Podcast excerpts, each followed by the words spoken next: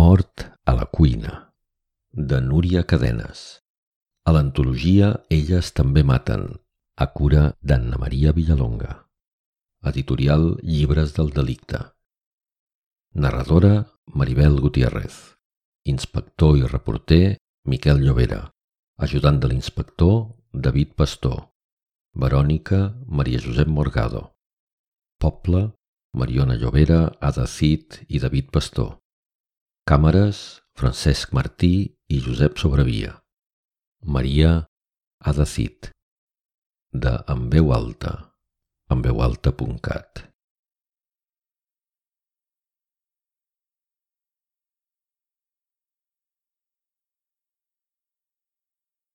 Matar un home no és tan fàcil com sembla. I encara menys un espècimen com aquest que ara geu bocaterrosa amb els membres grotescament desllorigats sobre els rajols humits de la cuina. Hmm. Algú ha fet molt bé la seva feina. Les paraules de l'inspector no troben eco i queden enganxades com una tallarina a la paret. El seu ajudant, un pipiolo vestit de telesèrie, sent el fàstic fet un puny aferrat a la gola S'agafa la panxa amb les mans, tomba la cara i surt corrents a vomitar. Dulmeric, 500 habitants, conreus de vinya i olivera, una escola, una cooperativa, un taller mecànic, dues botigues de caviures, un forn, una piscina, etc. Mil anys d'història documentada a l'arxiu parroquial no han servit per posar-lo al mapa. Avui, però, té els carrers infestats de periodistes. La truculència del crim els ha trets com abelles a la mel. Són com mosques ensumant la merda. Ni abelles ni hòsties. Els vells fan que sí lentament amb el cap i semblen tres oracles confirmant la catàstrofe. Asseguts al seu banc vora la font, contemplen el tràfic de forasters amb el gest dur i escèptic. Quan algun dels peixets de colors que trafiquegen pels carrers ha tingut l'acudit d'escometre'ls per aconseguir declaracions que completessin l'estampa rural, n'ha fugit esperitat. Si no em treus aquest cony de càmera dels morros, et fotré una denúncia que et deixarà sec. Déu que els va parir. Xt! Va ser ell qui va triar aquest poble.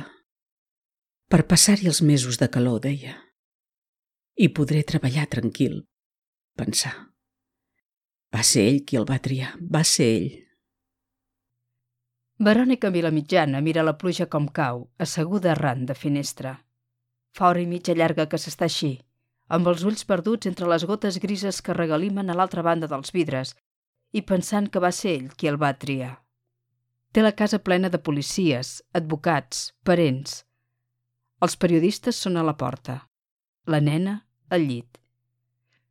Li han donat calmants i ara dorm sense malsons, embotida, amb les galtes humides i el cervell espès. A mitja tarda hi haurà una declaració oficial. Que gràcies per les mostres d'afecte, que és un crim incomprensible, que la família demana respecte per la seva privacitat.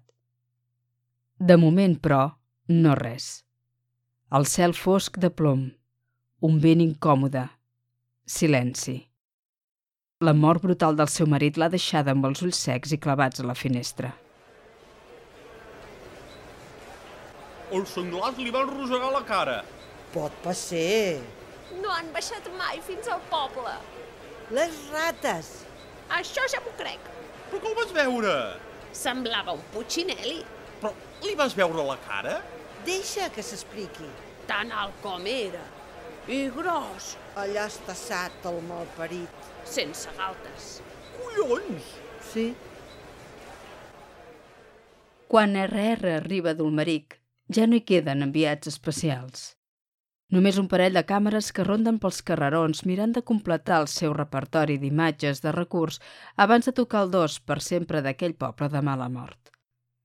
Veuen el reporter com baixa del seu cotxe cobert de pols i el saluden amb un cop de cap.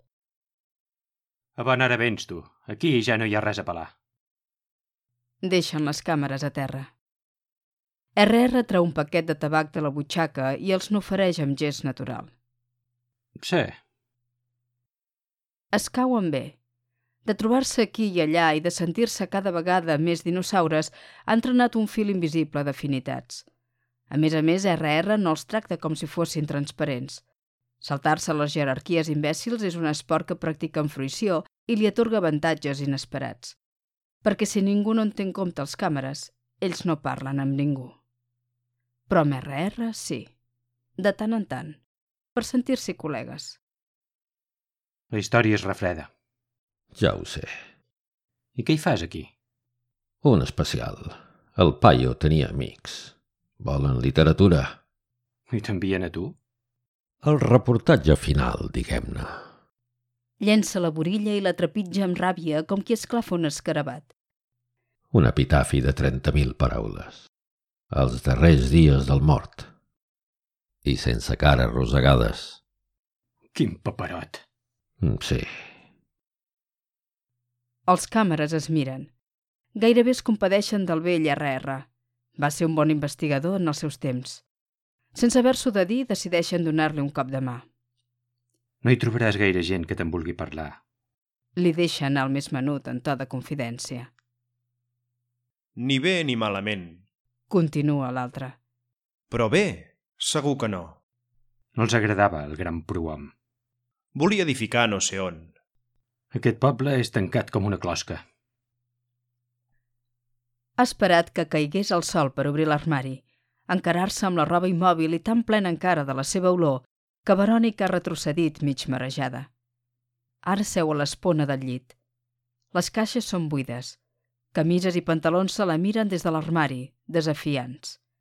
Les sabates se sumen al retret. I els mitjons, calçotets, samarretes i aquella corbata que li va regalar per al primer dia de classe. De quadre escocès, descolorida, ben desada. Se l'havia estimat molt el seu marit. Moltíssim. Cega d'amor n'havia estat.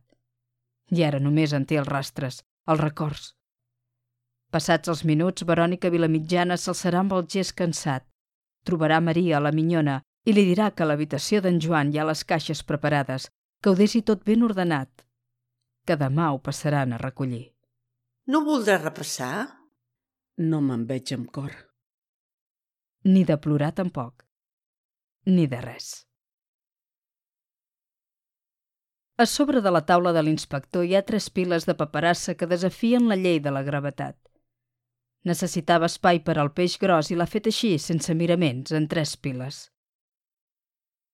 L'ajudant les fita mig hipnotitzat, convençut que en qualsevol moment un crit, algú que tregui el cap rere el separador llardós que mig delimita les taules en despatxets, un corrent d'aire, qualsevol imprevist, provocarà la catàstrofe. I els dossiers desordenats en un munt de paperots cauran inevitablement i colgaran l'escampall de fotografies truculentes que ell, per tots els mitjans, evita de contemplar i que el seu cap, també per tots els mitjans, insisteix a plantificar-li al davant dels nassos. Què hi veus aquí? Digues. Què hi veus aquí? Un vell inflat de gasos amb els ulls desorbitats? Sang per terra? Trossos de plats trencats? La petjada, imbècil. La teva puta petjada. Aquí. I aquí. Aquí també. I aquí. Li va llançant fotos desagradables a la cara. Per tot la teva puta sabata merdejant l'escena. Finalment, RR n'ha fet dos de reportatges. El que publicaran i el que haurien de publicar. I els ha enviat tots dos, també. Seguits, junts, sense explicació. Tu mateix. Li ha escrit només al cap de redacció. Es coneixen de fa 1.500 anys i mai no han tingut cap topada grossa. Potser és que se senten part del romanent, tots dos, els darrers practicants d'un ofici que en algun moment van respectar. I ara ja estan cansats per a cap batalla. No s'han expulsat de sobre els remordiments, però i de tant en tant passen coses com aquesta, que RR necessita escriure la història que té i que l'altre la imprimeix i la llegeix i diu que encara és bo, collons, és bo. I l'estripa. És com un ritual, la manera que han trobat de mantenir el cap per sobre de l'aigua, o de fer veure que el llim no els ha colgat. Han ordit aquesta aparença de salvavides i s'hi arrapen amb silenciosa desesperació. Hi ha un moment en què és cert, hi ha un moment en què RR ha escrit el que tocava, i l'altre sent que ho envia a maquetar i tots dos respiren i se senten homes sencers, bípedes amb esporàdics mals d'esquena i tan dignes. És per aquest moment que ho fan, només. Perquè a l'un li agrada llegir i anar dient que encara és bo, aquest fill de puta encara és bo, i perquè l'altre, si no pogués escriure, rebentaria. Un lamentable accident. El país ha perdut un nom de valor per un accident de cuina. Tan trist com això.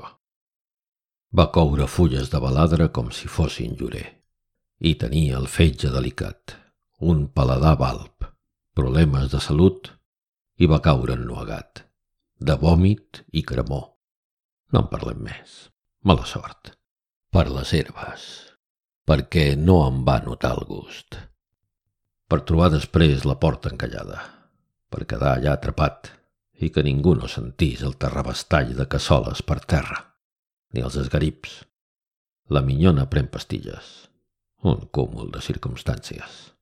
Quina desgràcia. Hi va haver un moment, quan aquell periodista rondava vinga la pregunta, quan el poble bullia de rumors i de culpables, que Verònica Vilamitjana va tenir la confessió a flor de llavis. No pas per penediment, que avui mateix, si ressuscités, hi tornaria sinó per amor. De tant com se l'havia estimat, ara se sent esqueixada, incompleta, tota closca i vent. Idiota. Dolenta. Per això punt va estar de dir que... Prou, que cap lladre, ni cap brutícia financera, ni cap res. Que vaig ser jo, i que ara sóc només una carcassa, i visc amb aquesta esgarrifança a l'arrel dels cabells. De nits es desperta assetjada per les culpes. No hi té la cuina desfeta, ni els crits d'auxili, ni els tecnicismes de l'autòpsia als seus malsons. No. Hi ha el rostre paralitzat de la seva filla només. Els ulls buits clavats al sostre. Aquell porc gemegant al seu damunt. I els anys que feia que ho hauria d'haver vist.